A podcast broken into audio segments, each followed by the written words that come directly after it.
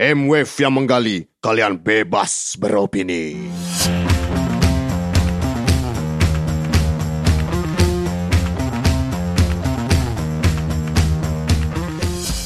Oke, halo semuanya. Eh, masih bersama masih bersama gua Bobby Mandela yang akan memimpin memimpin juga bukan. yang ngomong-ngomong di sini di pertandingan. pertandingan kriket wah gila pertandingan kriket lagi. Di MWF volume kelima yang kita akan ngebahas tentang hal-hal yang ini nih buat gue pribadi gue buta nih. Makanya gue butuh eh, ngobrol sama orang yang sangat melek banget di sini nih di dunia sini sini metal ini. Stevie Hitam dari Dead Squad Anda in the Backbone. Halo, halo, halo. dan biasanya ini kita siaran dari Rawamangun. Cuman hari ini spesial kita di depan rumahnya Tepi Yeay. akhirnya bisa siaran depan rumah lo ya Yoi dong. Yoi, dan kita sudah disuguhi somai dan minuman-minuman yang luar biasa. baru baru gue pernah ngeliat nih ada bir merek ini nih Tep. Iya, Sebut ya? Ah, boleh sebut aja sebut aja ini Singaraja nih. Iya, Singaraja nih. Ini endorsean nih Tep. Iya, lumayan lah. Terus suasananya kalau di sini keren banget nih. Lu kayak berada di kafe motor, ah, di bar motor gitu deh, pakai motor club gitu. Dan ada motor juga di sini ada ada Harley 2 sama Vespa 1. Jadi ini Tep ini mod dan rockers juga. Bisa diceritain nggak nih Tep? Awal-awalnya nih eh, Motor. Motor. Jadi motor ya, motor dulu deh. Motor kenapa Tep? Dua-dua motornya apa nih Tep? Eh, yang yang mana? Yang pojok. Yang yang pojok. Lu kalau dengerin kita lu pasti tahu yang pojok yang mana. Yang pojok yang warna hitam, guys. Iya. Itu eh, Harley Davidson FXS TSB. FXS TSB. Iya, tapi nama gaulnya sih Nama gaulnya apa tuh? Softail Bad Boy. Softail Bad Boy. Eh, tahun 96. Gue suka nama keren nama gaulnya sih Softail Bad Boy. Kalau yang di Sebenarnya sih sebenarnya na- nama Bad Boy itu di Amerika tuh disempat sempat di sempat eh, di dan tanda kutip cheesy ya. Oh. Jadi makanya produksinya nggak terlalu banyak. Oh jadi ini agak rare item dong nih. Betul, karena karena se- eh, dia dari cuman tahun 95 sampai eh iya tahun 95 sampai 97 kalau nggak salah. Habis itu mereka nggak keluarin lagi yang springernya hitam Hah? gitu terus ductile gitu, mesinnya Evo. Nah, itu cuman sedikit periodenya. Ini Habis itu tahun 96. Jadi eh, karena nama itu Hah? Karena di, di dibilangnya karena bad boy itu oh masa bad boy self declare sih? Gitu kan. Iya. kesannya kayak gimana? Akhirnya si karena nggak laku di sana akhirnya diiniin apa namanya di stop tuh produksinya Oke. digantiin namanya jadi fat boy. Oh, oh tapi iya. juga be- beda lagi. Jadi ini beda. turunan Fat Boy nih. ya ini kan masih masih keluarganya softail kan. Jadi kayak bad boy eh, eh, ya eh, fat boy gitu. Itu masih keluarganya softail nah setelah dia tutup ya apa namanya nggak nggak keluar lagi nih yang chef- lagi nih. karena ada lagi keluar yang softail springer terus Ah. yang dan springer yang lainnya gitu yang yang kombinasi macam-macam lah kan Harley kayak gitu Ah. Iya, biasanya kan ngeluarinnya ini menjadi rare item karena memang cuma sedikit produksinya Jadi ini lu dapat apa di mana? gue dapetnya di Bandung Di Bandung. iya Oh, eh, dan sejarahnya dulu Bad Boy masuk ke sini dulu yang bawa adalah eh, presiden ketiga kita. Presiden dia siapa sih? eh siapa ya? Habibie kan ya? Habibie bukan kan? Habibie kan? Habibie kan ya, iya kan? Habibie, iya Habibie, Habibie. Bener, dia dia men Gila kita mikir dulu men. gue sih enggak. Gue cuma ngetes lo aja lo. Iya.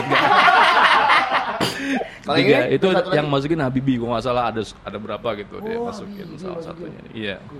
Sejarah. Gua nggak tahu loh sedip ini sejarah tentang Harley Bad Boy ini loh. Iya. Dan ini salah satu kenapa Habibie pakai ini karena eh, di antara semua softail dia yang kakinya nyampe kayaknya ini sih. Oh, paling pendek ya. Iya mungkin ya, gede paling juga. pas. Gede Habibie motor. itu padahal berarti Gede ini ya? motornya motor termasuk ter- motor touring sebenarnya. 1600 nih. 1000 enggak 1340 1340. Evo 1340. Uh, kalau yang ini Harley yang satu lagi? Kalau ini eh, ini em, Sportster kecil. Forza. Sportster 883 cuman tahun 93 gue bikin jab steel jab steel gitu. Steel. Gila, ini. Ngomongin Anaknya Steel. ini banget, eh, culture culture gitu. Culture gitu. Bangsat. Kalau yang di tengah tuh Vespa ya, wah catnya cat ori lagi. Kayak Vespa itu. Mah. Vespa. Ada lagi tapi lu ngomongin Jeb style Jeb style nih. Pas banget kita mau ngomongin metal-metal Everloud. Ya enggak? Mm-mm. Halus gak tuh masuknya gue? Apa gue tabrak aja tuh? Ini gua mau nambah nambah sendiri ya. Nambah apa nih? Oh, Help yourself. gue mau. Tolong tambahin dong, tolong tambahin dong. Ini dong, gue tambahin dong. Monkey shoulder, men. Bahu monyet nih kita minum sekarang nih, guys. Nah, kita ngomongin sekarang ke ini nih, Ted. Everloud. Ya. Eh, lo kan salah satu yang penggagas festival musik Everloud ini kan? Hmm. Salah satunya ya. Ceritain dong awal-awalnya gimana? Motivasi awalnya segala macamnya. Everloud pertama kali gara-gara ngobrol sama RB sih waktu itu karena eh RB juga sama gua eh, bandnya juga mengusung musik yang similar gitu ya. Iya. Jadi awalnya cuman mau buat buat kumpul-kumpul aja, kumpul-kumpul bocah, eh, eh, bikin ini yuk, kecil-kecilan yuk. Ah, Di mana? Di mana? Bikin acara aja di ini di Borneo lah. Ini siapa-siapa aja yang main udah yang ini ini aja. Teman-teman. temen-temen aja gitu. Ajak waktu itu ngajakin siapa pertama kali ya? Ngajakin carnivore kalau nggak salah ya. Carnivore terus ada hmm, Jin juga kalau nggak salah. Ada uh, Ice Test juga sempat Joglo nih ya. bukan Oh, bukan. yang di- sudah ya sudah yang di ini. Yang udah yang di sini ya. udah yang di Kemang tuh situ. Oh, iya. Terus? Ah, cuman itu doang sih awalnya. Cuman gara-gara kita pengen bikin seneng-senengan sendiri aja kan? Iya, Biar- buat kumpul-kumpul aja Ah. karena gua rasa kalau kalau kita cuma nunggu-nunggu panggilan main atau ajakan main siapa-siapa, kita nggak main-main gitu kan. Ya ada sih tetap ada tapi kita pengen yang kita bikin versi kita sendiri gitu.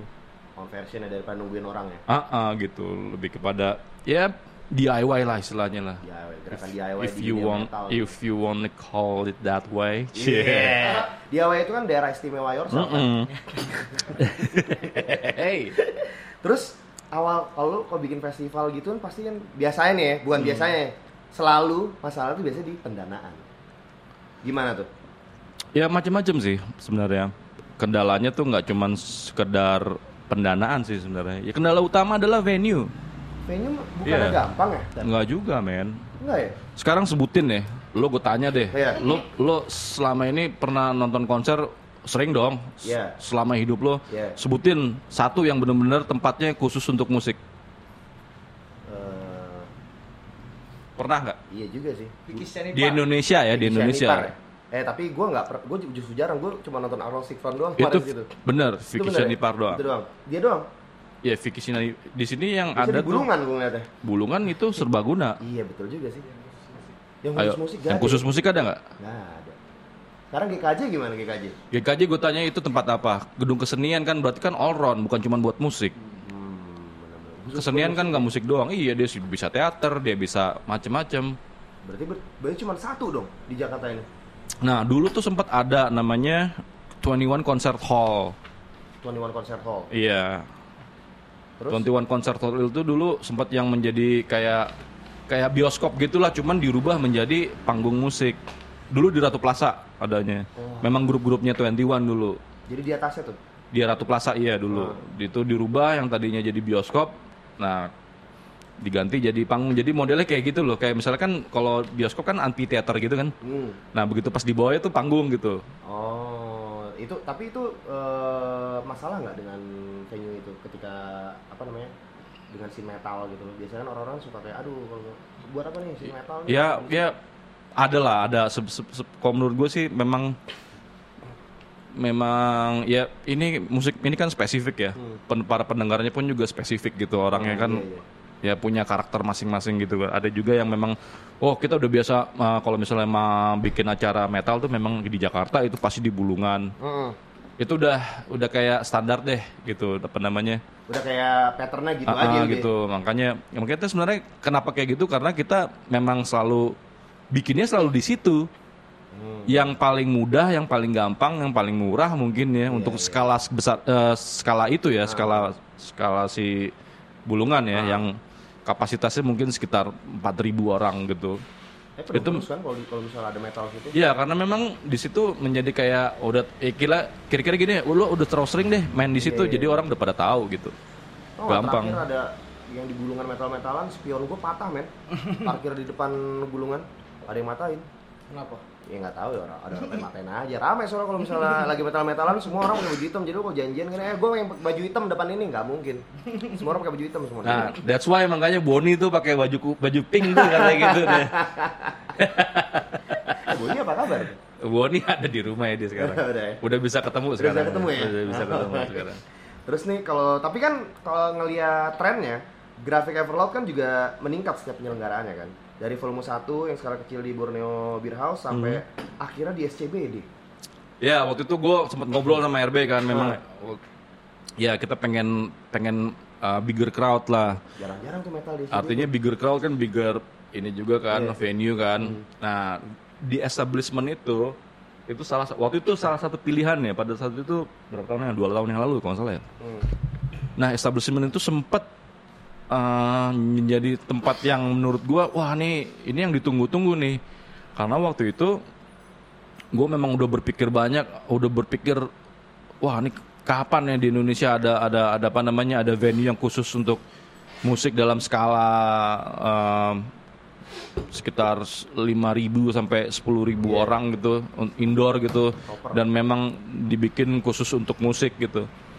Nah itu tuh baru di, di establishment gue ngeliatnya selain selain yang di- dulu sempat di- dibikin sama apa ya sama grup-grupnya Matalang tuh yang di yang di Ancol, Ancol. Ah, ah, gitu. Nah, sekarang ada venue di Ancol tuh khusus musiknya. Ya, Gue baru nyadar gue. ya gitu untuk yang skala besar itu ya Ah. gitu. Terus harga tiketnya tuh volume 3 100 ribu ya. Ya, Ya kan? Itu termasuk mahal gak sih buat daya beli apa namanya fans-fans musik ekstrim metal di Indonesia?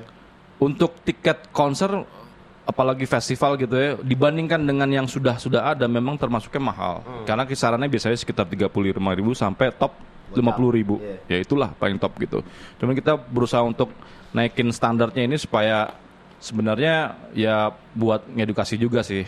Biar mereka lebih appreciate juga apa namanya event-event seperti ini nih. Soalnya kan dengan itu kan jadi jalan kan. Ah, ah, sama juga eh, kan nggak murah juga kan pada sewa tempat itu tuh itu memang memang luar biasa Biar produksi lah ya. iya gitu itu karena itu tingkatannya lo bikin konser di situ setingkat lo ngajakin marshmallow lah iya karena marshmallow pertama kali ke Indonesia mainnya di situ situ ya? iya dan itu di, di di apa namanya dibikin sama grup-grupnya eh, Ismaya. Uh, tapi gue salut sih sama grupnya Ismaya tuh karena mereka mem- memikir- memikirkan banget sebenarnya Semuanya. untuk apa namanya untuk untuk bikin live house gitu ya. Itu kan ini namanya live house ya sebenarnya ya.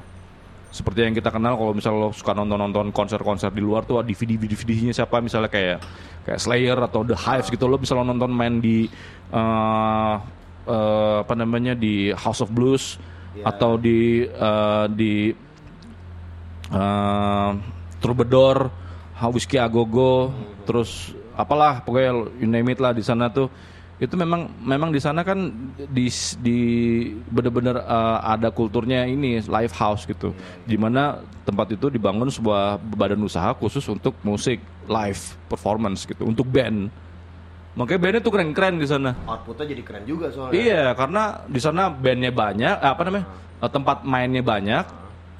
Akhirnya bandnya berkompetisi untuk semakin keren dong, Iya, ya iya. kan? Akhirnya makanya musiknya pun jadi keren, Jadi gitu.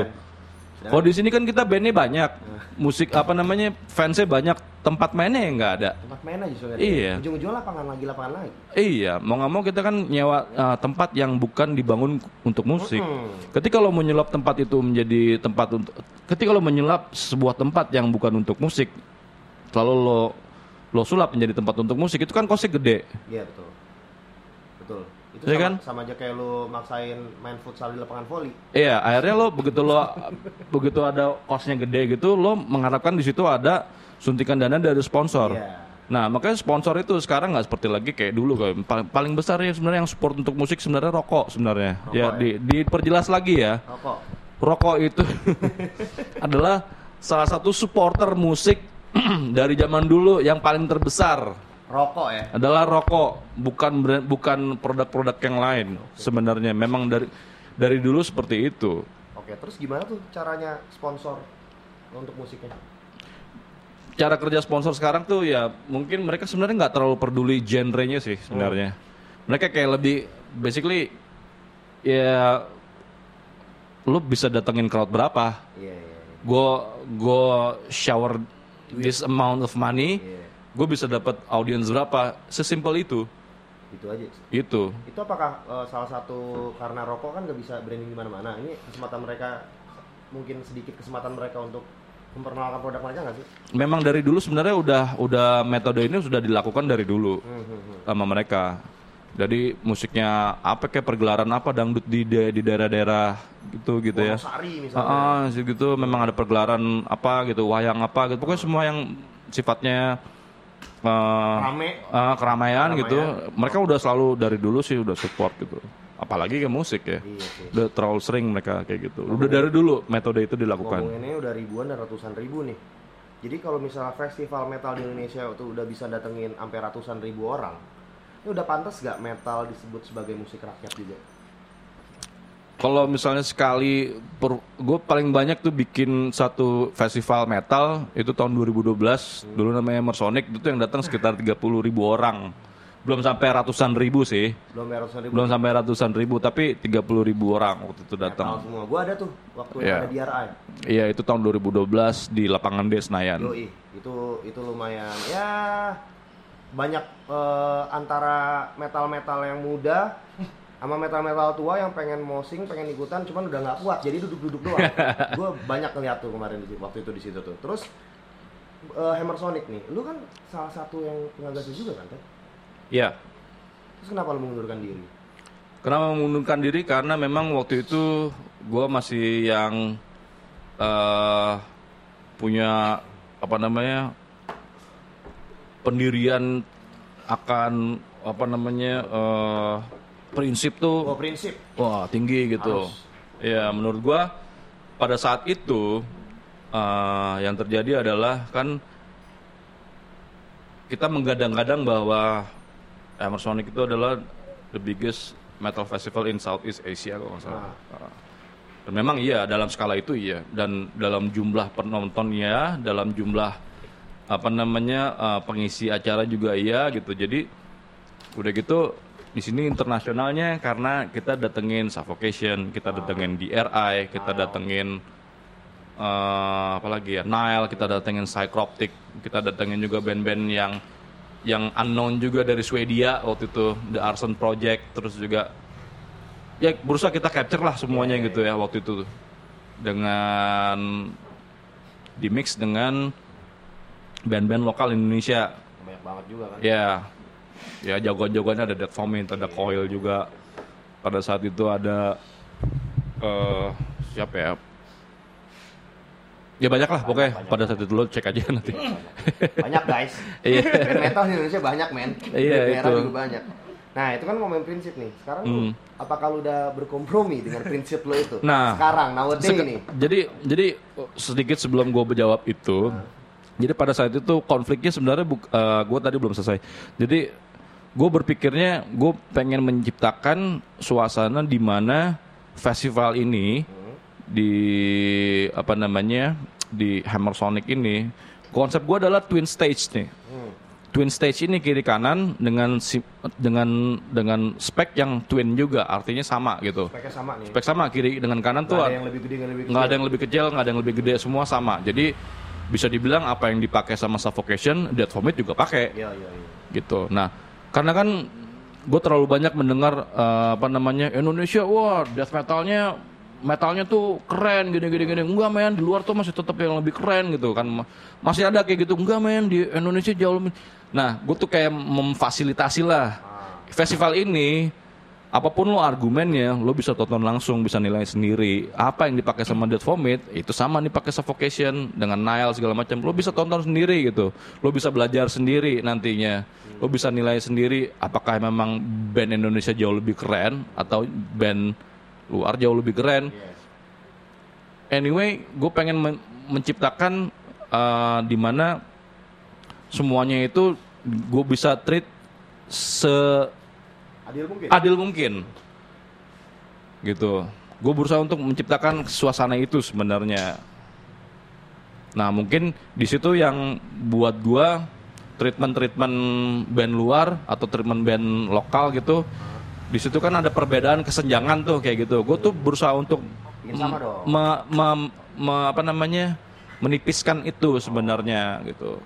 Walaupun kita nggak bisa samain ya, Ah, nggak usah kayak gitu band-band sama lokal sama sama lokal aja karena suka beda gitu kan. Tapi maksud gua berusaha untuk mem- menipiskan itu sebenarnya. Nah untuk yang yang kedua kenapa gua akhirnya nggak ikut karena memang konsepnya ternyata berubah menjadi expand mereka mau menjadi dua hari banyak lebih banyak uh, porsi band luarnya dibandingkan band lokalnya gitu terus um, sementara treatment-treatment yang tadinya berusaha gue tipiskan itu semakin jauh kesenjangannya gitu.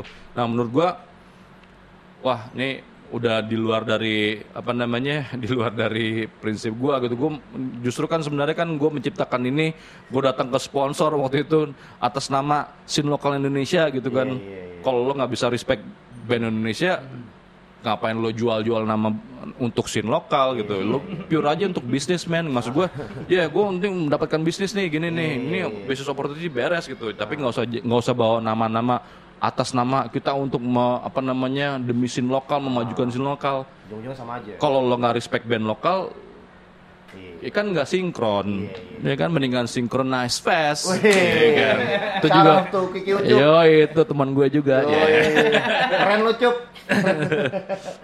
Terus nih eh, awal-awal dari misalnya lu bikin-bikin semua festival deh nih dari Everlord lu festival tuh apa aja sih yang dibutuhin buat menyelenggarain sebuah festival buat orang buat nih ada yang dengerin mungkin daerah pengen bikin juga kan siapa tahu kan ada grassroots nih oh gue juga pengen kayak Bang Tepi nih kan gue pengen bikin eh, di Wonosari Gunung Kidul ada Metal Fest kan ternyata nggak nggak kelihatan nih ternyata di sana ada ada scene juga gitu Ya, kembali lagi kayak tadi yang pembicaraan awal tadi bahwa membuat sebuah perhelatan gitu, mau itu festival musik skala besar atau skala kecil tetap membutuhkan dana sebenarnya. dana lagi Iya, kembali memang dana doang, tapi dana aja itu sebenarnya nggak cukup. dana aja nggak cukup Dana aja nggak cukup. Lo memang harus punya konsep yang kuat juga dan punya reason juga yang kuat apa yang mengedrive lo tuh. Lo harus menjalankan ini. Buat gua menjalankan ini apa yang harus gua bikin karena hidup gua di musik. Gue bukan yang cuman sekedar passion ya. Kan kadang-kadang lo musisi ah, wah gue gue suka main musik tapi passion doang gue hidup gue ada lagi lagi yang lain nggak kalau gue hidup gue memang di musik gue lahir dari keluarga musik jadi gue tingkatan gue untuk Motor lewat, motor Iya, lewat. motor lewat, Ya, motor ya, lewat, ya, maaf ya. ya kawan-kawan. Biasa anak motor jadi banyak motor lewat-lewat gitu. Tadi Triumph yang lewat guys. Jadi oke, Iya. kembali lagi eh, jadi Hidup musik. eh, hidup di musik itu membuat gua akhirnya disiplinnya beda dengan teman-teman yang lainnya, dengan orang-orang yang lainnya, dengan musisi-musisi yang lainnya gitu. Jadi gue mesti survive di musik, bukan harus menjadi sesu, eh, apa namanya eh, individu yang stand out untuk ber, apa namanya mendapatkan eh, eh, fame and glory di sini. Enggak, gue literally memang harus survive. Jadi apa yang gue lakukan adalah survival. Jadi gue sampai sekarang masih survival mode. Serius? Serius, gue beda nih dengan dengan yang lain-lain. Sorry nih, gue gue bukannya gimana gimana gitu ya. Tapi kalau misalnya lo ngomongin masalah soal musik, lo nggak hidup di musik, itu tai lah. Jadi sampai sekarang masih survival mode nih. Gue masih survival mode, gue masih bener-bener yang bener-bener hidup di musik. Iya, iya, iya. Nah, maksud gue, gue bukan gue bukan me- mendiskreditkan teman-teman yang cuman sekedar passion doang di musik gitu ya. Tapi gue cuma bilang bedanya gitu. Makanya langkah-langkah yang gue ambil itu beda. Kayak gue mau bikin, kenapa gue harus bikin festival ya? Gue harus gue harus bergerak ke sana gitu. Karena memang harus, iya gitu. Jadi gue udah pel- pernah melakukannya, gue udah pernah, men, gue udah dari start dari mendengarkan musik, dari belajar musik, dari dari mulai apa namanya uh, uh, form a band, dari mulai menciptakan lagu, dari mulai memproduksinya, dari mulai memasarkannya, dari mulai produksi untuk uh, live performance-nya, ngumpulin semuanya dari mulai di bawah panggung, di bawah atas panggung sampai di belakang panggung gitu. Itu udah gue lakukan semuanya. Nah, ini yang men-trigger gue kenapa ini harus dilakukan. Karena gue harus bisa bikin ini menjadi uh, opsi buat uh, generasi yang di bawah gua Hmm. itu sebuah uh, sebuah pilihan bagi mereka yang masih mencari jati diri Bisa. bahwa bahwa ngeband itu masih cool man Iya masih cool. iya Bisa. being being a death metal drummer Woi. is still cool gitu Iya iya. iya. itu sebenarnya Emang dari dulu sampai sekarang emang still cool kok menurut gua. menurut lo tapi kan yang di bawahnya kan belum tentu men Mah. lo emang lo udah nanya yang di bawah-bawah lo Iya juga sih. Gue gue sih berkaca dari anak gua aja Eh kenapa? anak gue sekarang udah umur mau umur 15 tahun nih. Ah. Itu kan prime Iya, prime banget kan iya. lagi untuk mencari-cari gimana nih. Itu lo mencoba ini nggak kayak eh, anak lo suka metal juga atau lo suruh dengerin? Mereka dia suka, cuman dia sekarang karena teman-temannya lagi deseng hip hop gitu, ya. jadi arahnya ke sana. lagi kena hip hop nih. Iya gitu. Jadi makanya buat gue tuh penting, gue tetap melakukan ini gitu. Perkara itu nanti hasilnya seperti apa. Tapi men kalau misalnya nggak ada yang mulai, Iya iya. itu siapa lagi? Naruga. Eh, itu triggernya sebenarnya sih lebih apa namanya menguatkan the reason Iya, karena hidup lu di sini. men. iya Musik, gitu. itu Buka- beda lagi kalau misalnya yang lain oh gue bikin ini karena mungkin untuk gaya-gayaan atau untuk bisnis ya kalau gue enggak gue pure untuk melanjutkan kelestarian, ini Kelestarian gitu ini. Eh, demi Baik. melestarikan ini gitu karena Apalagi ini satu keluarga musik semua kan. ya maksud gue ini adalah sesuatu hal yang keren buat gue metal itu membuat eh, salah satu apa namanya influence yang baik untuk mem- membentuk pribadi gitu Iya betul. yang keren gitu karena karena gue mikirnya anjing sekarang presiden kita aja tuh dulu anak metal gitu Iya. itu salah satu sebenarnya kan nggak nggak bisa lo dapetin di sekolah-sekolah itu kayak gitu kan Tapi bener sih soalnya eh, ini sudut pandang stigma masyarakat ya. Kenapa metal tuh selalu dianggap kayak suatu hal yang menyeramkan? Mungkin menyeramkan itu dari tampilannya segala macam dengan tulisan-tulisan akar tak terbaca itu segala macam itu. Cuman yang terjadi adalah lebih banyak kerusuhan di konser dangdut men daripada di konser metal. Bener gak? Tanpa mengkredis apa mendiskreditkan sin dangdut nih ya. Cuman kalau lu misalnya lihat sunatan atau di mana kenyataannya memang gitu kan, kenyataannya kenyataannya memang. gitu kan. Hmm. Justru yang metal-metal giliran lu pengen anaknya menurut gue tuh santai-santai semua. Anak dengerin metal, so far teman-teman gue anak metal semua santai semua, baik semua. Ya cuman musik aja berisik, cuman itu kan pilihan. Dan itu kan orang bisa nikmatin juga, benar ya? Iya. Nah, minum dulu deh. bir mana bir? udah cobain ini kan udah udah udah enak nih. manis gitu Oke Tep. Hmm. Nah, sekarang kita balik lagi. Ya balik lagi. Ke mana emang dari tadi gitu ya? kita nggak ke mana-mana di Iya, sini doang. mana sini aja sambil minum-minum. Sekarang Everlord nih. Everlord Hmm. nih kan wah, udah lu udah kemarin ke sana. Terus sekarang lu ngirim ke sana. Ini sebenarnya Tepi ini sosok penting di kancah musik eh, metal ya, scene metal ya. Dia dan Eben menurut gua. Eben ngirim orang ke Eropa, Tepi ngirim orang ke Jepang. ya enggak? Buat scene memperkenalkan scene metal kita Indonesia ke kancah mancanegara. Gimana tuh Tep? Awalnya sampai jadi ke Jepang itu gimana tuh? Berawal dari kita tur Jepang tahun 2016 waktu itu Dead Squad ke Jepang Iya. pertama kali gitu kan. Nah, karena kita dapat kesempatan itu untuk pertama kalinya ya kita gas lah ya kan. Iya. Dengan segala macam kekuatan kita akhirnya kita bisa datang ke sana, bisa tur, bisa ketemu sama berbagai macam teman-teman dari band uh, ekstrim di Jepang yang uh, uh, gitu baru-baru gitu ya salah satunya adalah Kandari Fast sebenarnya Rivas. Ah, ah. Eh gue pernah ketemu tuh sama salah satu mereka di Dark Down. Iya si Tomoki nah itu menjadi uh, orang yang paling deket dengan Dead Squad pada saat itu karena memang cuma Tomoki yang bisa bahasa Inggris Oh, yang lain nggak bisa. yang lain sucks bahasa Inggris ya, ya. Jadi Tomoki ini band Kandari Fast itu salah satu eh, personil eh, dari Kandari Fast dia main gitar dan kebetulan juga dia salah eh, eh, menjadi seorang eh, dokter bedah ya di Jepang salah satu yang terbaik. Dia dokter bedah. Dia dokter bedah di Jepang. Dan Band metal. dan dia main ya dia dia kalau nggak salah mm, genrenya tuh grindcore gitu grindcore eksperimental gitu dicampur sama sama apa namanya uh, Japanese traditional per- uh, percussion gitu.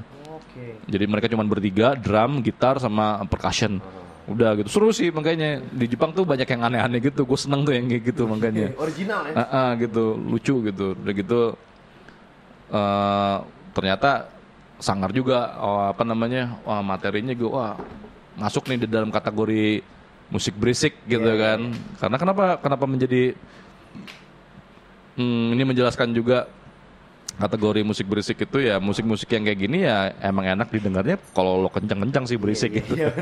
kalau sayup-sayup gitu. enak. iya nggak kurang gitu kurang dapat gitu kurang punch gitu. Kita nggak nggak dapat gitu pesannya gitu. Nggak nggak apa namanya nggak nggak adrenalin kita nggak Gak kepompa. ah, ah, gitu kalau mau dengerin sayup-sayup sore-sore sambil ngopi itu kan beda lagi tuh. Itu indie genrenya indie iya anak- gitu. Anak-anak Ah, sekarang. anak-anak yang menggunakan perasaan-perasaan Yoi, gitu. Minumnya kita kopi, enggak kita enggak. Kita kita perasaan kita tinggalkan perasaan kita. Lebih Fuck. aksi ya. fuck perasaan men. Kita metal. Kita deras darah kita deras. Sorry teman-teman folk. I love you Tapi tapi bisa main folk juga kok.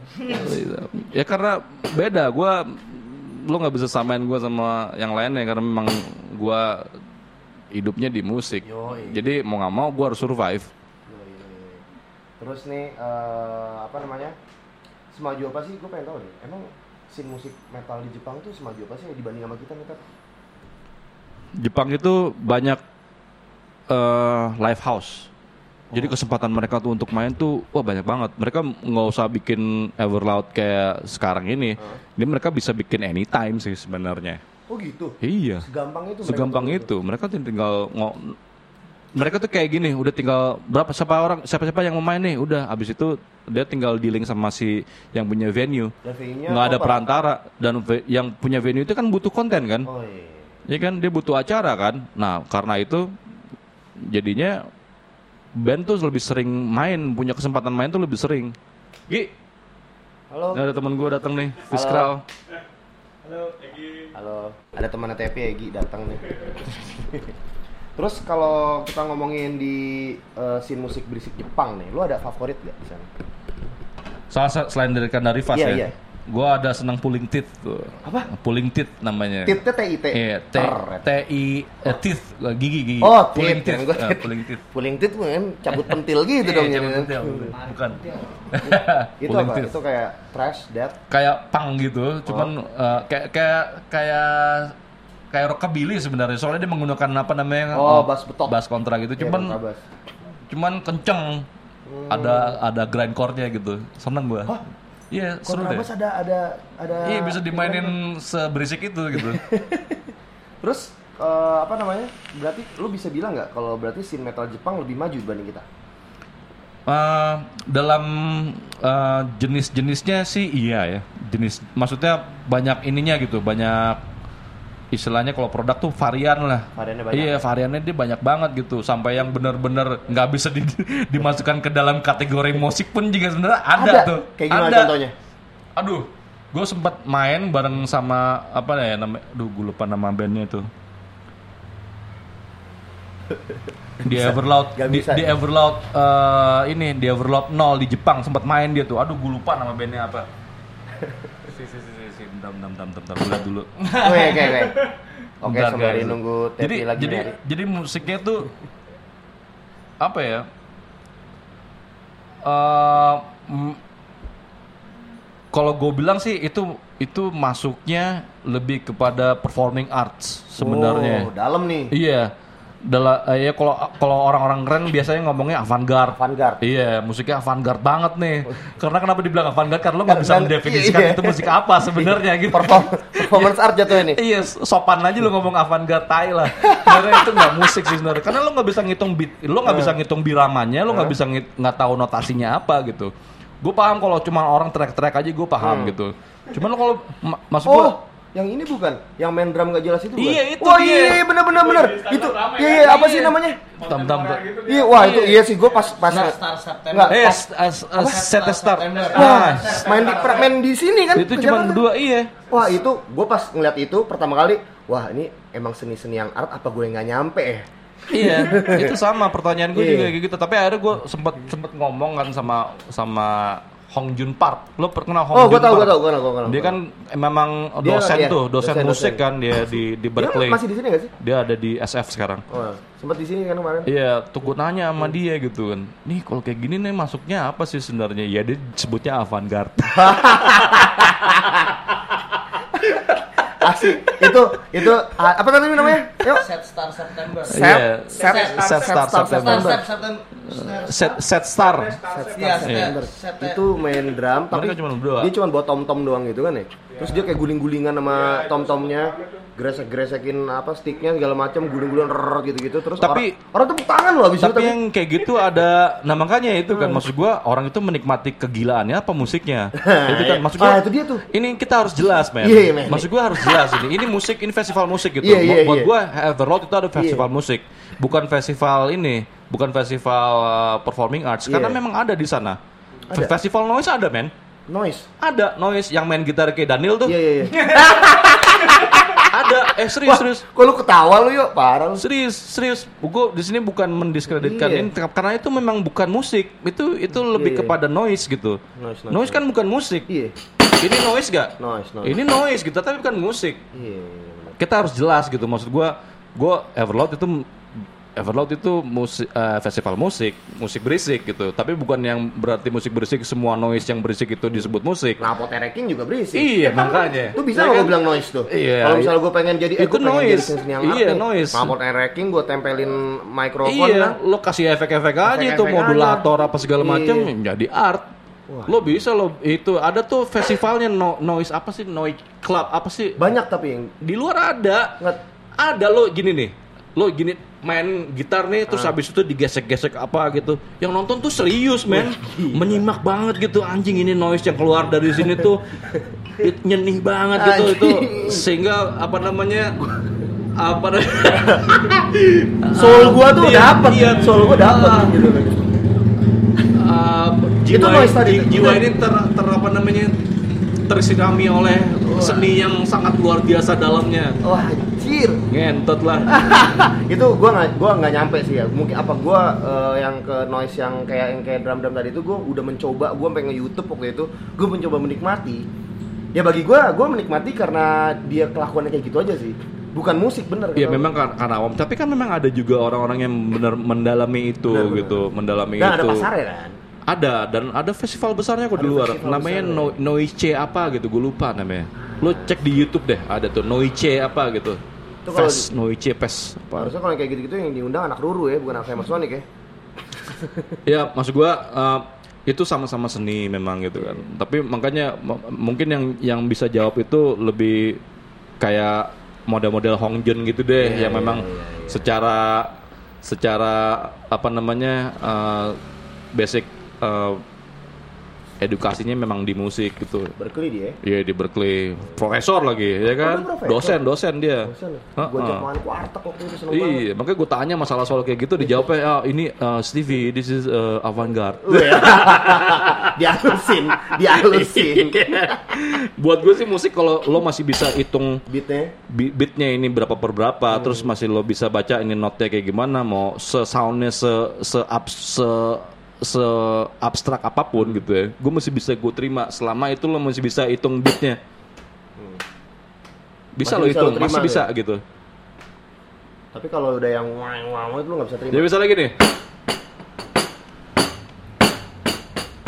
ya masih ada beatnya kan Oke.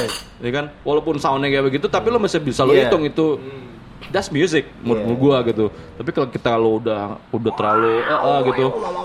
Terus abis itu lo rekam terus lo Iya. abis itu lo jual CD-nya what the fuck is that man? Gitu.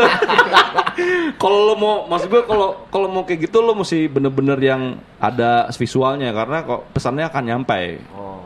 Apakah butuh substansi juga mungkin? Nah mungkin karena ya itulah. Makanya menurut gue tuh musik substansi. Makanya musik metal itu sebenarnya menurut gue yang paling menurut gue paling jujur ya.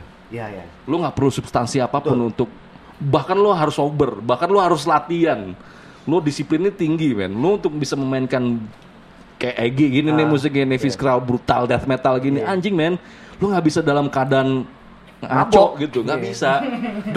Ah, nggak bisa, lu mesti mikir Akbar, lu tanya aja, nah Akbar Iya. mas, dia mesti bener-bener konsen gitu kan, Iya bener-bener mikir, nggak mungkin men. Menurut gua, nah makanya ketika lo harus harus harus menggunakan sebuah substansi tertentu untuk bisa menikmati atau mengguna atau menciptakan sebuah musik berarti musik lo bodoh. Sorry ya. Iya, iya, iya, iya. Benar, benar, benar, benar. ngomong gini nih misalnya. Kita ngomongin ini ya bebas aja ya. Iya, bebas kayak kayak kayak musik house gitu. Hmm. All the way gitu Iya. dari ujung ke ujung gitu paling lo tinggal ngasih eh, sedikit eh, apa namanya kayak pang, eh pang, ngasih kayak pang, gitu gitu-gitu. terus abis buat gua kalau lo nggak dalam keadaan dalam keadaan eh, pengaruh substansi tertentu Ah. lo nggak akan bisa menerima itu Monoton ya? iya Iya. Artinya apa? Lo harus menggunakan itu untuk bisa menerima itu. Itu kan musik goblok sebenarnya. Iya. Jadi kan lo lo harus man- merubah diri lo dalam satu ka- kondisi keadaan. ketika lo akhirnya lus sehingga lo bisa menerima keadaan itu. Oh iya, iya. Lu menyerahkan diri lu terhadap itunya dong. Iya. Betul, masuk akal sekali nih ya Bung Tepi ini.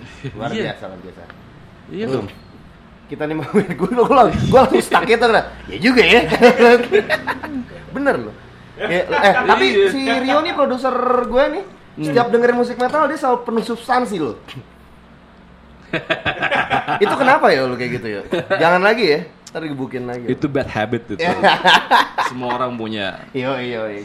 Oke. Dalam eh, pergaulan metropolitan ini eh, itu bukan ngomong-ngomong- sesuatu hal yang baru. ngomong-ngomong Turun temurun. ngomong-ngomong ini nih eh, pergaulan metropolitan. Apakah betul nih pergaulan adalah kunci sukses bertahan di scene extreme metal? Iya betul. Salah satu modalnya adalah networking dalam iya dalam bahasa itu tadi lo bilang adalah pergaulan. Ya pergaulan dan networking artinya sama.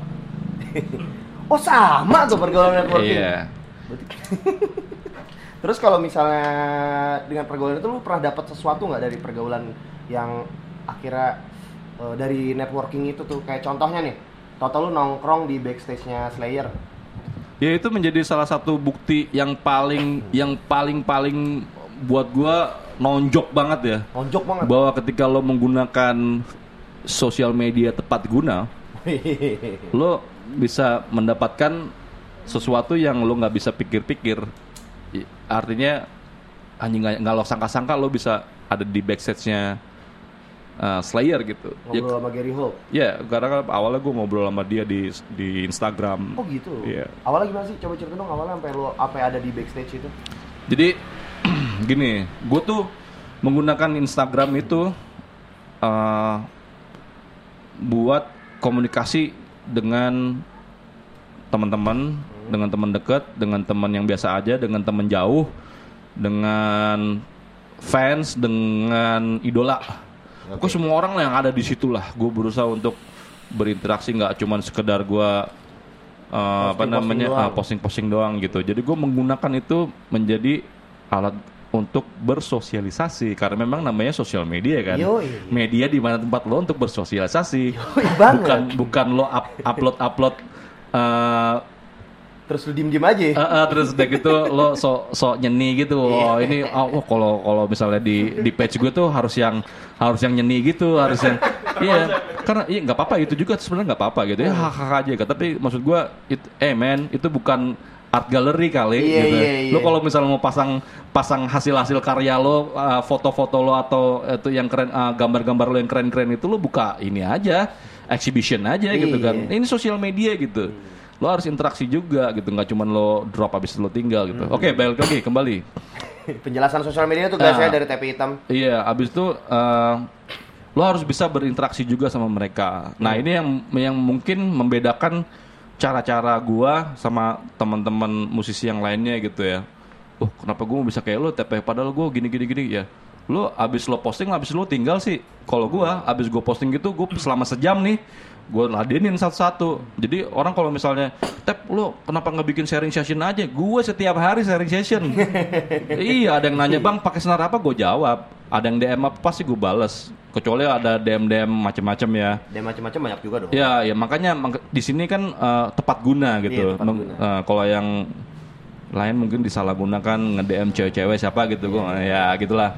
Kan ngomongin kita ngomongin produksi, ngomongin Iya. apa, senar apa. Nah, kayak gitu karena gua gua gua terbiasakan hal Hmm. itu sehingga pada satu saat nih kembali lagi kenapa gua bisa sama Gary Holt waktu itu gua udah udah sering apa namanya sering dia gua follow dia dan gue sering apa namanya gue sering ini juga apa namanya gue nge-like dia juga gue juga komen di dia gitu kan.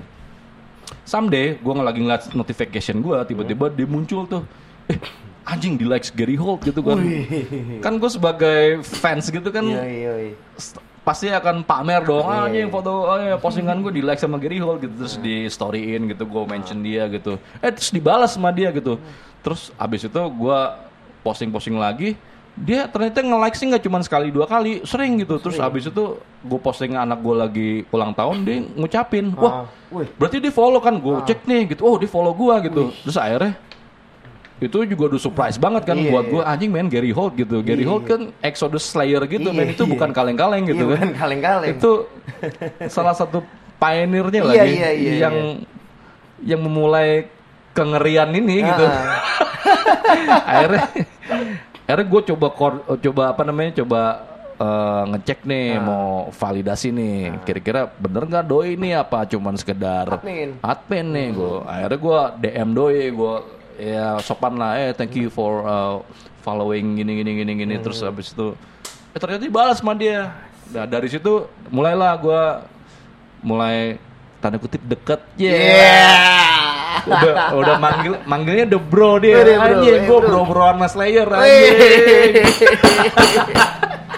Sorry ini gue bukannya songong tapi ini saatnya gue sombong nih. Yoi. sama lo semua bangsat eh anjing lu semetal metalnya lo ya lu semetal metalnya lo lo nggak ada nggak ada satupun yang teman-teman Slayer teman gua anjing Gak usah so metal depan gua. Udah, ini gua udah tamat gua udah metal metalan udah. Ibaratnya gua main game udah udah kredit title udah udah selesai gua metal metalan ngentot.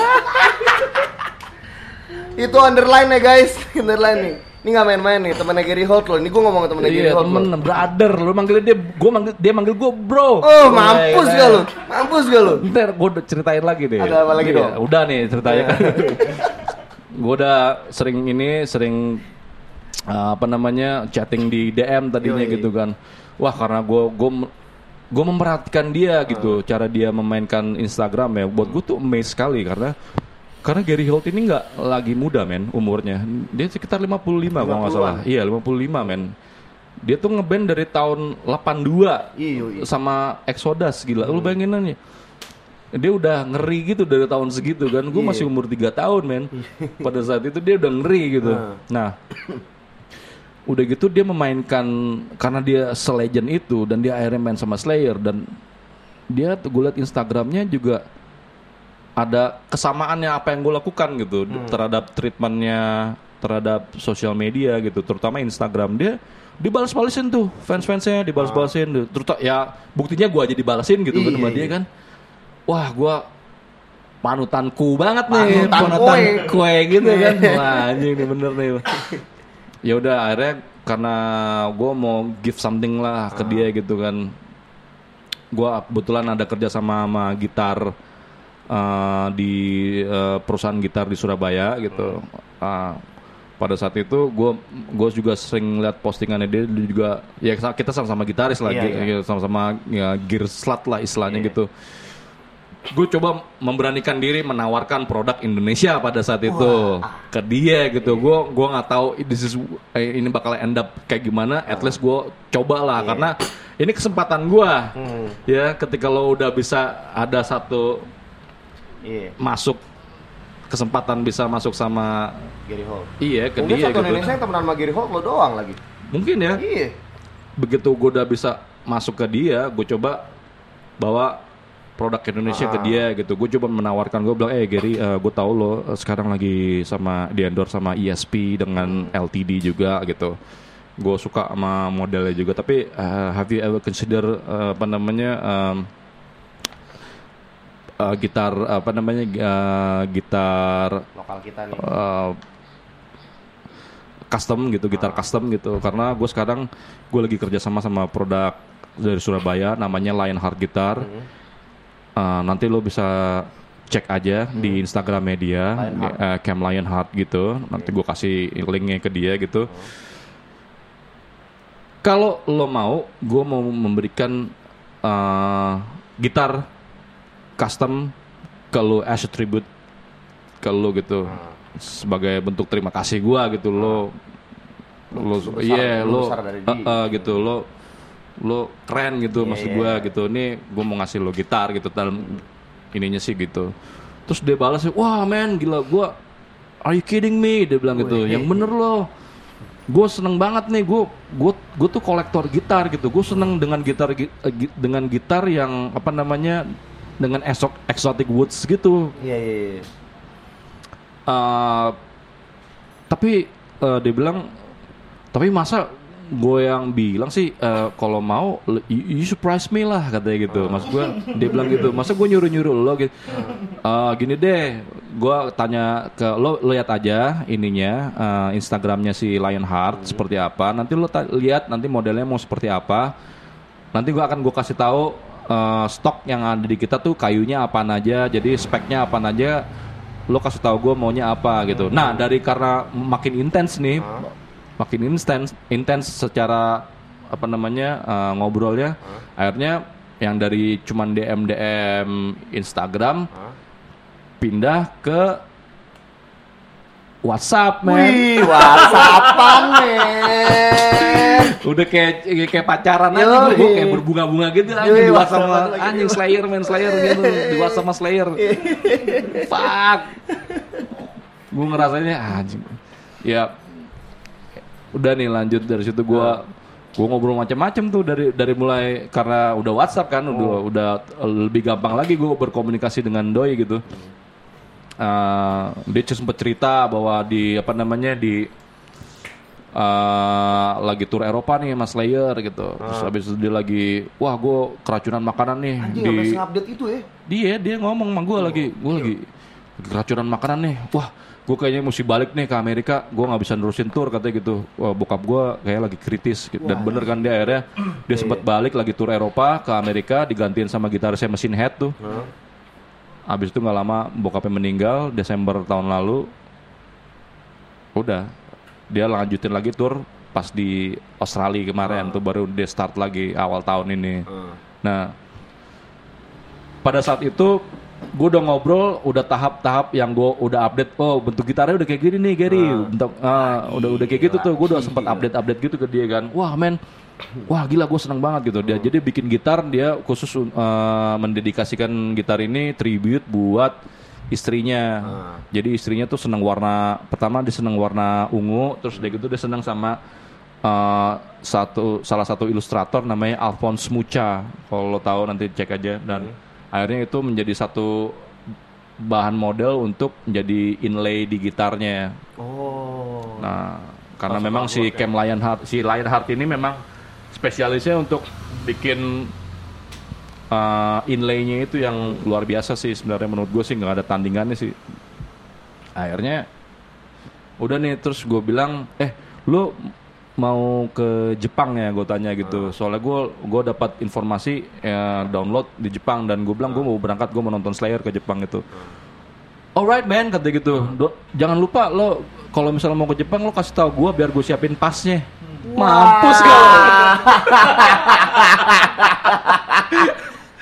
oh, udah oh ya udah dari situ akhirnya gue ya setelah itu ya lo bisa lihat di Iya, iya, Instagram iya, story gue Iya, gue. Shit. Tuh, tuh gila tuh. Terus begitu pas nyampe, jadi dia tur dari ini kan, eh, dari Australia kan, download Australia dulu. Waktu itu di Melbourne, Sydney, terus habis itu dia ke New Zealand juga. Ketika peristiwa yang penembakan di Christchurch itu dia ada di sana Oh, sebenarnya. di sana ya? Karena besokannya dia main musinya di Christchurch. Cancel, kan? Cancel akhirnya. Karena menurut mereka konser metal nggak lebih diperlukan pada saat itu dalam keadaan seperti itu. Jadi mereka langsung ke Jepang. Nah, pada itu udah mau tanggal tanggal 19 apa nggak salah? 19 April eh 19 eh 19 Maret. Hmm. Gue berangkat ke sana 20 Maret. Hmm. Si eh, download itu tanggal 21. Nah, waktu dia berangkat tuh dia udah ngasih tahu ke gua, "Eh, men, gua udah di Jepang nih, lo kapan berangkat?" Anjing dia dia gua dia gitu. Iya, dia ngingetin, "Eh, gua berangkat tanggal 20. Nanti gua kasih tahu kalau udah berangkat." Oke. Pas tanggal 20 ini juga dia juga ngingetin gua lagi.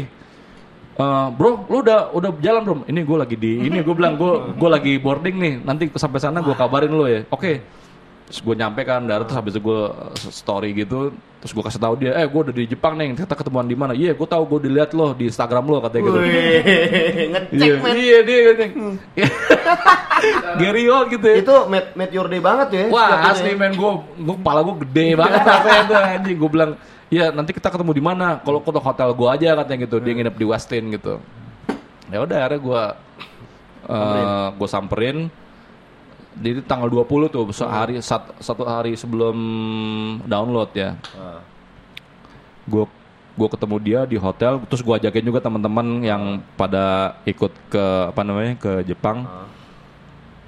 Aryan, Welby, Ricky, Odi, Mercy itu gue ajak juga ke ketemu sama Gary Hall di di Westin di apa namanya hotel di hotel. kan. Ah, Gua akhirnya gue akhirnya gue ke situ pada saat nunggu-nunggu dia bilang eh sorry ya gue lagi ini gue lagi apa namanya gue lagi dinner dulu nih sama kolega gue gitu. Nanti lo tuh kita ketemu di lobby aja gitu. Iya gue udah di lobby gue bilang gitu. Lagi nunggu-nunggu dia nih sekitar 15 menit gitu eh turun. Tek tek tek tek tek tek. Tomaraya men. Wow, Maraya maraya turun. men. Slayer men. Gila. Itu gimana tuh perasaan lo pertama kali ngeliat wah gitu? gila. Lemes juga. Ada starstruck gitu? Kan? Ya pasti lah. Starstruck lah gila Slayer gitu. Nggak ada yang lebih ngeri dari Slayer Iya men. iya iya iya iya. udah. Ketemu dia foto-foto. Nggak lama Gary datang dari dari ini ke Oslo Lobby wah. Udah akhirnya kita sama dia dijamu lah kayak gini lah. Oh mau minum apa? Mau minum apa? Udah minum bir aja ntar gue mau bayar nggak boleh men. Slayer man. Slayer. Lu kapan lagi di di traktir bir mas Slayer tuh ya? Gila udah. Dari situ akhirnya gue kasih gitarnya terus wah dia seneng banget gitarnya. Udah besok ambil ngobrol lah gue sampai malam lah sama dia tuh. Sampai akhirnya gue yang gak enak sendiri eh kita balik ya besok kan lu bukannya ada main gitu kan. Iya ya udah. Nanti eh, gini besok itu ada eh, ini gua apa namanya ada manajer gua, nah gua kasih nomornya, nanti lo eh, eh, ID eh, pasnya itu all access areanya nanti gua kasih ke ke lo lewat dia ya. Nanti kalau misal lo nggak bisa masuk atau ada masalah, lo telepon gua. Wih, di backup men. Yoi. Slow, siap gue bilang ya udah. Sampai ada tanggal 21 nih, hari H nih, hari H. Gue baru bangun tidur kan di hotel, tek, udah ada WhatsApp dia. Wah, anjing. Anjing kan. Enak banget ya sih lo bangun tidur udah ada WhatsApp dari WhatsApp nih. Eh, nanti bro lo udah eh, jalan jam berapa? Gue bilang gue udah sana jam 2 pokoknya gitu. Lo kalau misalnya sama lagi ngingetin dia, kalau lo udah dapet ininya pasti lo telepon gue ya, lo kabarin gue. Udah, ada gue jalan pagi-pagi. Tuh pagi-pagi udah rame tuh Iya. di daerah apa namanya di Jepang di Makuhari daerah Makuhari apa. Itu kayak di ISBSD lah tempatnya gitu modelnya kayak gitu. Kayak hanggar gitu gede, Gede banget ya. Heeh. nah di sana tuh udah apa namanya udah rame orang udah pada ngantri ngantri merchandise ngantri apa gitu. Gue sama si Tomoki temenin eh kita ke mana nih? gitu. Gue masih telingak telingu gitu kan oh ternyata ada resepsionisnya di situ. Ya gue datang ke resepsionis gue tanya "Ah, ada ini ada ada ada titipan dari Slayer gak gitu, Kayak gitu. Atas nama Steffi oh oh ada langsung. Wah langsung. Anjay, berapa tuh dapat? dapat 6 jadi gua sama 5 buat temen-temen. Udah gua kasih aja tuh anak-anak kan. Yang lain pada masih ngantri gua masuk pakai gituan men. Anjing. Lexus men. Terus gue yang gue pengen tahu berapa WhatsApp atau kiriman message yang ngomong bangsat ke lu ketika lu pamer itu. wah udah terlalu sering lah apalagi anak-anak teman-teman gue kan. Iya, iya, iya. Lu masukin ke grup kan tuh. Iya, tai gitu, bangsat, ler, kayak gitu-gitu udah lah, banyak lah kayak gitu lah. Pasti banget tuh. Eh. Oke, dari Jepang nih, kita Jepang ya. Kita balik ke Everlord Jepang lagi nih. Gary Holt udah kelar nih. Udah, Oke. udah tutup ya Gary Holt ya. Ya, Nah, sekarang balik lagi ke Everlord, Everlord Jepang ini. Ini yang, yang kurasain Everlord itu siapa sih? Lu kan? ya. Semuanya. Eh, m- most of it. Mas Soviet. Mm. Terus eh, cara lo memilihnya gimana? Em, pertama karena awalnya kan si Everloud ini buat yang death metal gitu ya, Iya. death metal, death metal. Terus abis itu ternyata teman kita nggak cuma death metal doang kan. Iya. Akhirnya kita ngajakin juga teman-teman yang dari grindcore, hardcore, macam-macam. Akhirnya kayaknya makin ke sini makin seru ya. Gimana kalau kita ajakin juga teman-teman yang genre yang lain gitu. Akhirnya dari situ gue membuka untuk ya nggak cuman death metal atau grindcore doang atau hardcore aja. Pokoknya masih dalam kategori musik berisik, gitu ya, yang lo bisa nikmatinnya dalam kondisi berisik gitu, kondisi kenceng. Ya nggak cuman death metal, metal aja, aja. gitu. Jadi akhirnya gue yang ngajakin yang lainnya juga gitu. Nah, Tapi di Jakarta belum sempat bikin yang sampai seluas kayak di Jepang sih sebenarnya. Karena memang waktu itu setelah en, waktu di Jakarta, abis itu gue lebih lebih aktif di Jepang. Oh. Karena gue bikin eh, empat kali, gue bikin volume 0, volume 1, volume 2, dan nanti yang akan yang akan datang nih volume 3 belum tiga nih ya. ya. Ini Navikula kan? Nah, Navikula juga salah satu musik yang kategorinya bisa dibilang memang nikmatnya pas lagi berisik ya. Iya. Iya trans- kan? gitu ya. Iya gitu. Mereka juga lantang juga kan gitu Iya. kan musiknya. Ya menurut gua masih masuk sih. Dan kebetulan waktu gua upload soal eh, Everloud apalagi yang ketiga ini gue udah datengin Seringai, udah berangkatin eh, apa namanya Seringai teman-teman dari Seringai mau berangkat. Ada juga teman-teman dari Revenge the Fate, terus anak-anak Insanity. Insanity. juga Taring juga pada mau berangkat juga. Ya mungkin pada saat itu Robby melihatnya ini sebuah opportunity juga buat bisa main di sana. Ya gue sih menangkap itu aja sebenarnya. Nggak bukan karena karena oh musiknya eh, Navikula dibutuhkan banget untuk Everroad nggak gue lebih kepada pertemanan sih sebenarnya pada saat itu. Ya gue respect Robby gue respect eh, Navikula sebagai eh, salah satu pioneer musik eh, grunge di Indonesia, ya. Indonesia, juga dan asalnya dari Bali, juga Bali gitu. juga.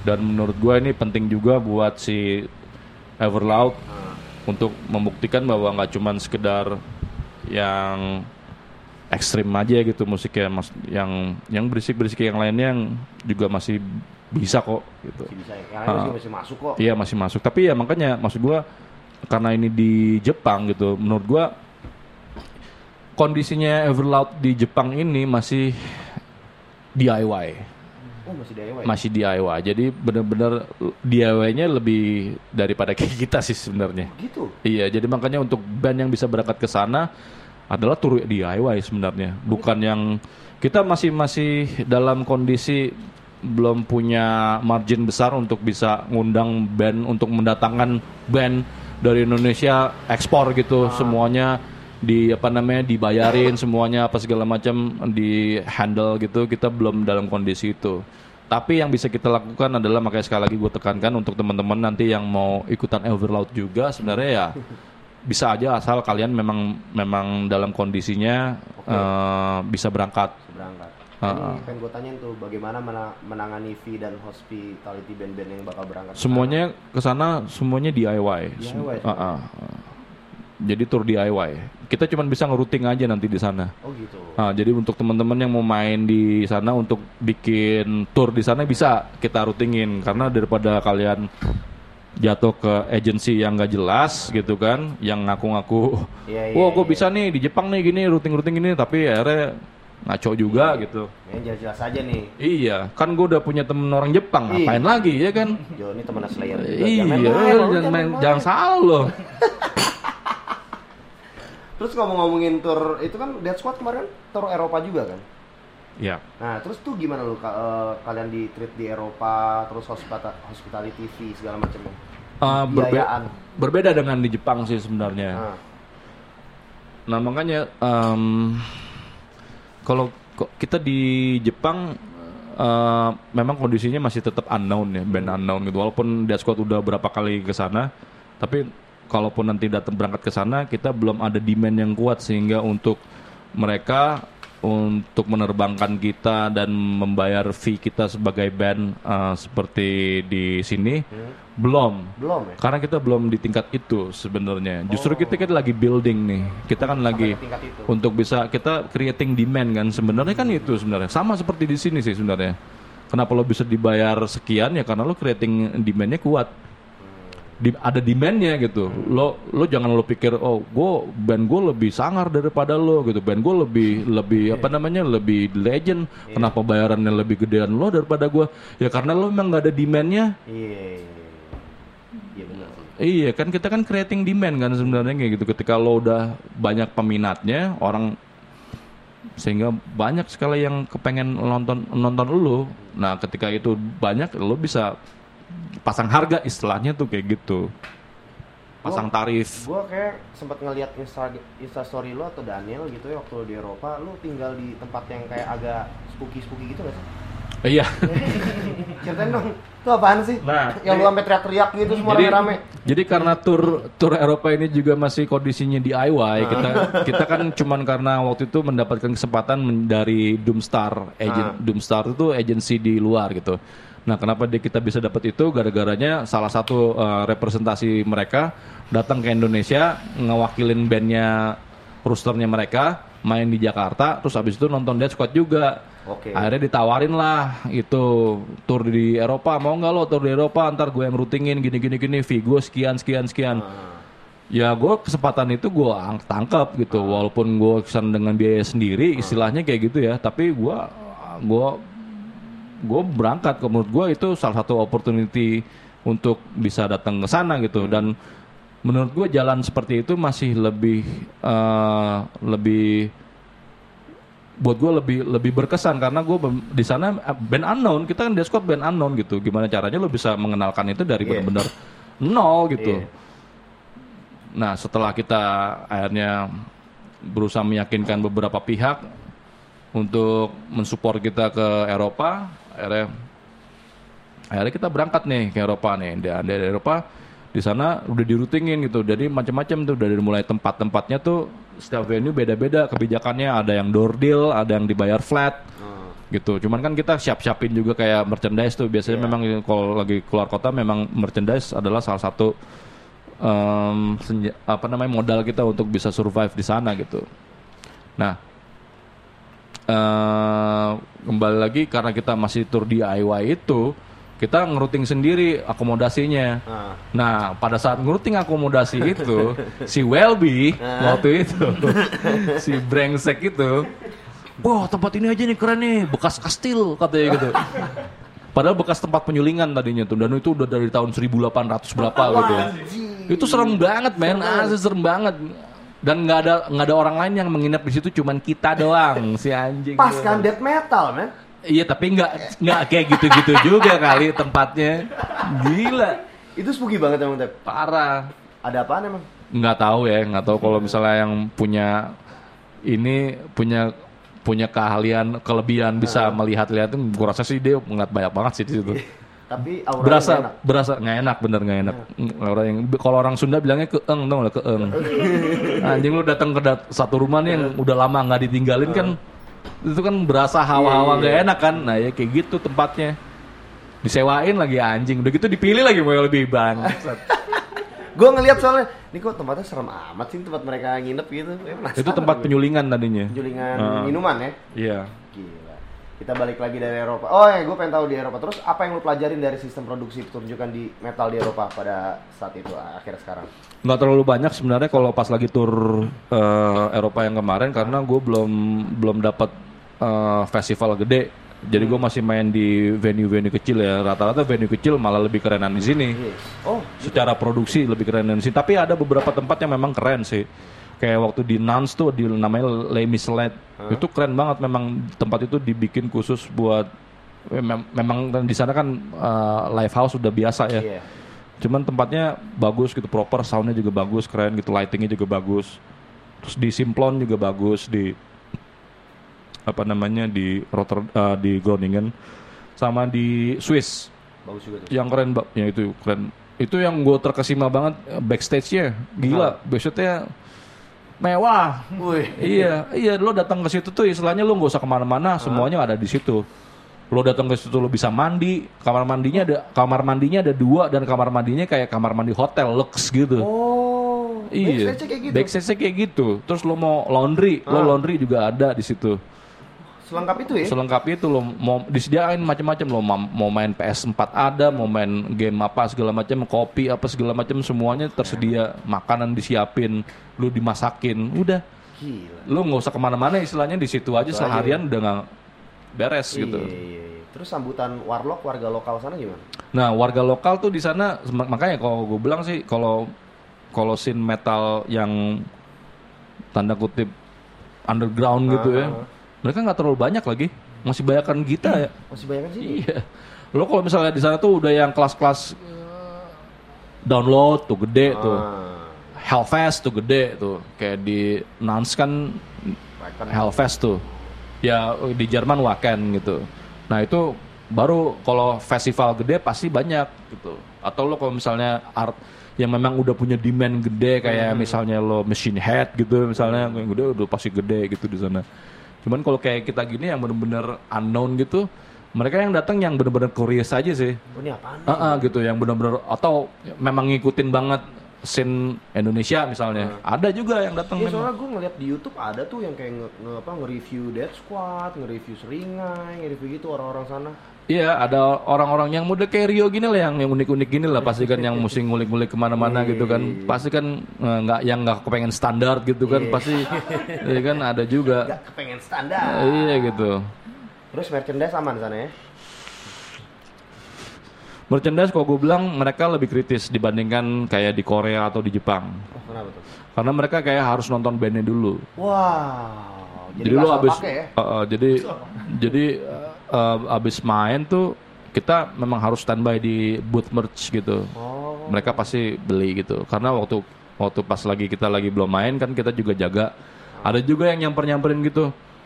Terus dia bilang katanya ini berapa? Ini berapa? Lu beli dong kalau kata Daniel gitu.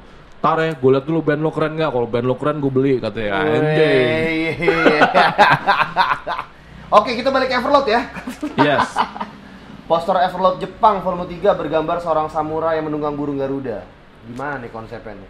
Ya awalnya dari hmm, penggabungan eh, dua kebudayaan ya, dua negara yang yang mewakili biasanya apa sih gitu kan kalau nah itu kan diambilnya dari dari patungnya GWK tuh ya kan Jadi dari itu tuh ya. Ah, dari situ Artisnya gitu. siapa tuh? Artisnya Gilang namanya. Oh Gilang. Oh, Ah. Gilang Ramadan drummer kan? Bukan, bukan, bukan. Ada Gilang yang memang sering eh, salah satu desainer yang sering kerja sama gua lah. Oke. Bentar nih berisik.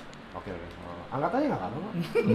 WhatsApp, WhatsApp, podcast, man. Bukan siaran WhatsApp radio. doang, WhatsApp doang. WhatsApp doang. Siap, siap, siap. Terus ini Everloud eh, volume 3 ini kan merayakan eh, anniversary Wild Side ya, yang ke-10 ya. Ah iya, itu kebetulan memang menjadi satu temanya si Wild Side juga. Jadi tempat apa sih Wild Side itu? Kok kayak keren banget tempat lu main di mana lo? Di Wild Side. Beuh. Wild Side sebenarnya salah Kayak satu tempat eh eh, live house yang legend juga di Jepang di Oke. scene di scene scene musik eh, ekstrimnya Jepang tuh lumayan inilah lumayan legend lah. Itu ada ada beberapa tempat tuh yang lama-lama juga kayak Antinok juga.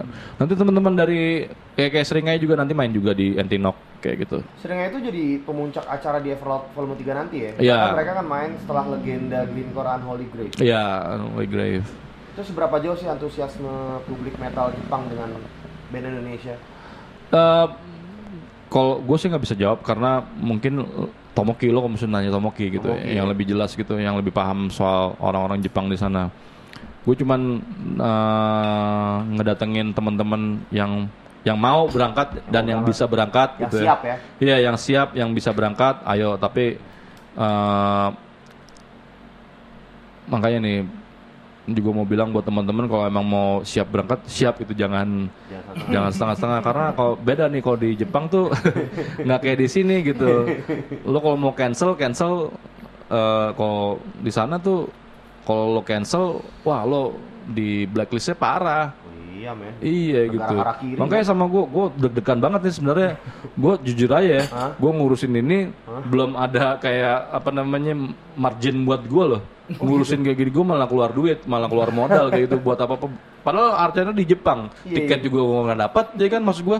Cuman kadang-kadang teman-teman yang dari sini tuh suka masih serasa kayak acara di sini aja gitu kan. Ini Jepang loh men. Iya gitu mas gue lo kalau memang mau di sana berangkat beneran nih bisa berangkat jangan lo bilang habis itu wah gue mundur nih wah gue nggak bisa cancel nih soalnya eh, apa namanya vokalisnya masih ada di negara lain wah jangan kayak gitu gitu karena ada kayak gitu gue nggak bisa sebutin bandnya siapa tapi, Tapi ada maksud kayak gitu? ada hal-hal kayak gitu tuh hal-hal brengsek seperti itu ada Itu band apa tuh? Ya kan gue bilang nggak Oh bisa iya, sebut Siapa bandnya tahu gue bisa ngulik. Mm, ya kan? mm, nggak bisa lo nggak bisa ngulik gue ya. Tapi ntar off the record boleh lah ya. Iya gitulah maksudnya hal-hal kayak gitu tuh ada gitu. Padahal kan sebenarnya kita udah agree. Gue udah kasih jadwalnya dari mulai Oke, lo berangkat tanggal sekian ya. Lo dari sekian karena uh, gigs pertama lo tanggal sekian. Gue udah bilang begitu. Tiba-tiba uh, udah mendekati hari, eh, sorry ini gue nggak bisa nih soalnya tanggal sekian ternyata nggak bisa ininya. Wah, Ada lah ya. ada permasalahannya kayak gitu. Nah, lo kalau misalnya di sini kan gampang ya. Iya. Kalau di sana tuh nggak segampang itu. Karena kalau lo cancel show, Hmm. siapa pun penyelenggaranya di blacklist. Oh gitu. Bukan masalah soal penalti. Iya, iya, iya, iya, Iya, di blacklist wah. Ada lagi di sini kendalanya gitu karena menurut salah satu band ini adalah band DIY, jadi mereka menganggapnya wah karena ini DIY, duit-duit gue, gue bisa dealing dengan siapa pun dong. Akhirnya dia berusaha untuk ngambil jad- jadwal lain dengan agensi lain. Fakta, akhirnya si agensi ini karena nggak tahu atau dia pura-pura nggak tahu gua gitu ya. Terus tiba-tiba dia email ke ke venue, ke live house yang di cancelin sama si band itu. Gitu? Terus kan jadinya kan timbul ini dong pertanyaan dong. Lu, lu bener nggak lu legit nggak lu represent band ini nggak lu gitu kan? Kita walaupun ya istilahnya gue apa yang gue bikin sekarang ini semacam kayak agency jadinya Iya, iya, kan. iya, iya. Walaupun gue belum officially gitu, tapi gue bikin bikin Everloud ini supaya teman-teman bisa gue fasilitasi Betul. untuk uh, lo nggak dealing dengan agent-agent ngaco itu Jembatan gitu. yang bener lah. Iya gitu. Maksud gue itu itu. Nah kadang-kadang mereka nganggapnya ya karena ini band, eh, karena ini tour DIY, gue berhak dong gue Iya, bisa dealing dengan siapa pun. Nggak gitu juga etikanya gitu. Maksud gue gini, misalnya lo berangkat nih, misalnya misalnya Fiskral berangkat, lo Fiskral udah deal sama gue sama si Tomoki gitu, datang ke Jepang misalnya, datang ke Jepang, lo di di routing di Jepang main di sini, main di sini, main di sini, main di sini, tanggal sekian, tanggal sekian, tanggal sekian, lo harus ada tanggal sekian di sini di Jepang, ya. Begitu nanti lo di imigrasi lo kan ditanya, Iya. lo kontaknya siapa di sini? Ya gue kasih kan Tomoki kan. Iya. Kalau lo nanti tiba-tiba lo dealing dengan nama lain, Hmm. terus lo tiba-tiba ada masalah di kota lain, kan yang dita- yang dicari kan Tomoki. Tomoki. Istilahnya gitu gitu. Maksud gue etika-etika kayak gitu tuh belum nyampe gitu. Apa nggak nyampe? Apa pura-pura nggak tahu? Gue nggak ngerti. Apa pure stupid aja gitu. Tapi maksudnya makanya teman-teman di sini ya gue gue di sini belajar kita sama-sama belajar lah. Kendala ter salah satu kendala gede juga gitu ya. Iya kendala gede kalau sampai faktab kan bubar ini semua. Ah, betul betul. betul. Gue udah bangun ini dari tiga tahun yang lalu gitu kan tiba-tiba hancur cuman gara-gara ketololan itu kan kan bodoh gitu Iya, kan. Iya, iya, iya. Lo ngomong tuh oh buat industri musik Indonesia peler. Menurut lo kenapa sih scene Jepang tuh tertarik berkolaborasi dengan metal Indonesia? Pada saat gue mau mulai Everloud di Jepang itu gue sempat ditemuin sama band-band legend di Jepang. Karena kan gue nggak gue nggak terlalu ngulik ya. Mungkin Iya. teman-teman gue lebih pada ngulik. Kayak lu mungkin lebih tahu eh, apa namanya band-band di Jepang sana. Gue gue jujur, jujur aja gue buta akhirnya gue dikenalin waktu itu sama Coffins gitu. Sa- satu band death death apa death doom ya apa sih? Bilangnya whatever lah you call it lah salah satu legend juga gitu. Dia sering tour juga di luar negeri gitu. Jadi band yang kayaknya jadi kayak band yang wah lu kayaknya keren banget kalau bisa tahu sampai sampai ngerti Coffins gitu. Gue jujur aja gue ngerti Coffins Sampai nyampe ke situ ya. nyampe ke situ. Akhirnya udah nih gue dikenalin lah sama The Legend Coffins ini kan. Lengkap tuh semuanya. Duduk bareng kayak gini nih. Iya. nongkrong gitu minum sake gitu udah ngobrol-ngobrol gitu. Terus gue jelasin gue mau bikin Everloud kayak gimana seperti gue menjelasin kayak lo tadi gitu. Terus dia juga merasakan hal yang sama juga bahwa memang iya sih kayaknya nggak memang nggak di sini kayaknya susah juga mau regenerasi kayak begitu. Nggak nggak nggak semua orang tertarik juga apalagi jenis musik kayak Coffins gitu. Iya, iya, iya. buat mereka agak ini juga makanya dengan banyaknya eh, acara-acara kayak gini mungkin bisa lebih lebih lebih memberikan pilihan buat anak-anak muda gitu kan. Bahwa ini playing this kind of music masih keren gitu masih cool gitu. Jadi alasan salah satu alasan utamanya adalah untuk eh, mempertahankan regenerasi. Ah, ah, dan juga mereka akhirnya melihat melihat eh, ngobrol abis itu gue ngobrol-ngobrol kan sama dia gitu. Em, mengenai lebih dalam lagi soal musik ini si Coffins bilang katanya memang ya kita juga masih suka ngulik kok ini apa namanya apa yang terjadi di Indonesia gitu. Mereka justru look up sama scene death metal apalagi death metal di Indonesia gitu karena gede banget gitu. Mereka masih suka denger dengerin apa yang dibikin sama Jasad apa yang dibikin sama ini mereka ngomong sendiri ngobrol sama gue gitu. Oh. Ya oh mak- maksud gue berarti ah, ah, berarti kan nggak cuman kita doang yang ke sana gitu. Mereka juga pengen ke sini gitu sebenarnya gitu. Dan memang terbukti kayak si Tomoki kayak gitu band Kanderi Fast gitu sebenarnya mereka nonton eh, mereka main di acara kayak di Bulungan gitu buat mereka tuh udah the highest achievement banget dengan penonton segitu banyak. Lo tau sendiri Bulungan kan kayak gimana kan? Mau acaranya yang mainnya siapa? Kalau metal Iya. rame pasti. Kaget deh begitu pas nonton dia pun pertama kali main di Noxa Fest kalau nggak salah Noxa Fest pertama. Habis itu dia nonton eh, dia lihat penontonnya segitu banyak udah Kacau. nangis.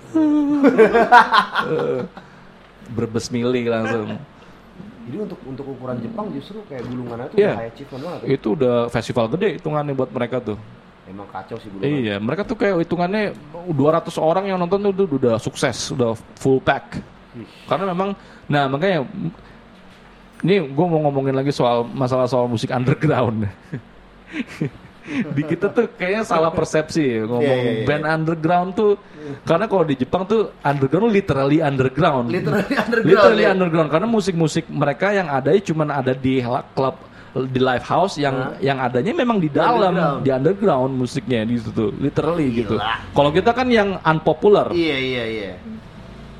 Betul, ih bener ya. Kenapa mereka tuh sampai harus kayak begitu banget di Jepang? Eh, ya gua, gua nggak tahu apa penjelasannya. Lo mesti tinggal di Jepang seumur hidup lo kali ya dan untuk bisa menjelaskan itu gitu. Ini cuman mau ngomongin aja gitu bahwa bahwa eh, eh, definisi musik underground di sini sama di sana Beda. itu beda gitu. Kalau di sini sebenarnya unpopular sebenarnya. Musik yang unpopular cuma segelintir orang yang tahu gitu. Tapi kita di sini kan nggak punya venue nya Iya. ini kan? Di sana tuh musik-musik underground gitu memang literally Underground. underground. Mereka nanti ya, venue-venue itu juga adanya di bawah nanti. Di bawah tuh, iya. Iya. Keren ya. Apa nih? Berarti selanjutnya Indonesia akan dapat giliran kedatangan banyak band berisik dari Jepang. gue gua harap seperti itu. Nanti juga gue mau coba ngobrolin lagi sama partner gua nih yang bikin Everload ini si Rifki Bahtiar nih RB Oh, itu. Bang Bos. iya dia ada di Pak Bos. dia ada di lagi ada di Swedia gitu dan sempat sempat ngomong ah udah bikin lagi dong di Jakarta dong gini gini ya lo baliknya kapan gue bilang ntar gue balik nih katanya gitu ya udah ntar nungguin lo balik dulu deh nanti abis itu baru nanti kita obrolin dan juga ada pemilu kan Iya, di sini. jadi eh, lagi lagi tahun pemilu ini memang agak susah perizinan gitu. Ya kembali lagi kita nggak punya venue yang re- ya? representatif gitu. sehingga lo harus meng- menyulap tempat. Akhirnya izin juga pengaruh kan. Ya gitu Mungkin gitu. siapa tahu dari ini semua lo bisa bikin tempat venue juga. gue kan? pengen men. Iya kan? asli gue gue pokoknya iya iya. Gue nih semua teman-teman gue yang punya istilahnya punya resource atau punya modal gede untuk bisa bikin uh, venue atau gue selalu gue do gue dorong mereka untuk bisa bikin itu kalau misalnya gue punya duit segitu banyak ya yang gue udah bikin pasti Di mana lu mau bikin? ya di Jakarta Jakarta ya. di Jakarta gue bikin Sanggerahan tuh enak tuh. boleh pokoknya di mana pun yang penting itu bisnis usahanya adalah musik Musik. Ah, ah, live music gitu bukan kalau di sini kan kita kebalik Hmm. kita tuh di sini em, bisnis usahanya izinnya adalah eh, F&B atau restoran atau Iya. cafe gitu. Habis itu tempat itu kadang-kadang kebanyakan dibikin tempat corner untuk musik untuk menarik orang supaya di situ untuk belanja kan di Iya. situ. Kalau di sana kebalik. Di sana memang untuk musik tapi disiapin F&B-nya. Ada barnya di atas. Lalu kalau mau, mau, minum di atas ada di mananya gitu. Main attraction tetap Oh, musik. musik. Ya semoga kejadian nih Tep ya. Ya amin mudah-mudahan. Amin. kalau ada rezeki gue pasti gue bikin tuh. Udah karena itu bagian dari eh, Ini bagian dari visi misi lu pasti. ya? dari ini gue apa namanya my Craigslist lah cie. Tuh sebelum mati gue harus bikin itu dulu legacy buat nantinya. Tempat itu bakal jadi legend nantinya. Semua band-band keren harus main di situ.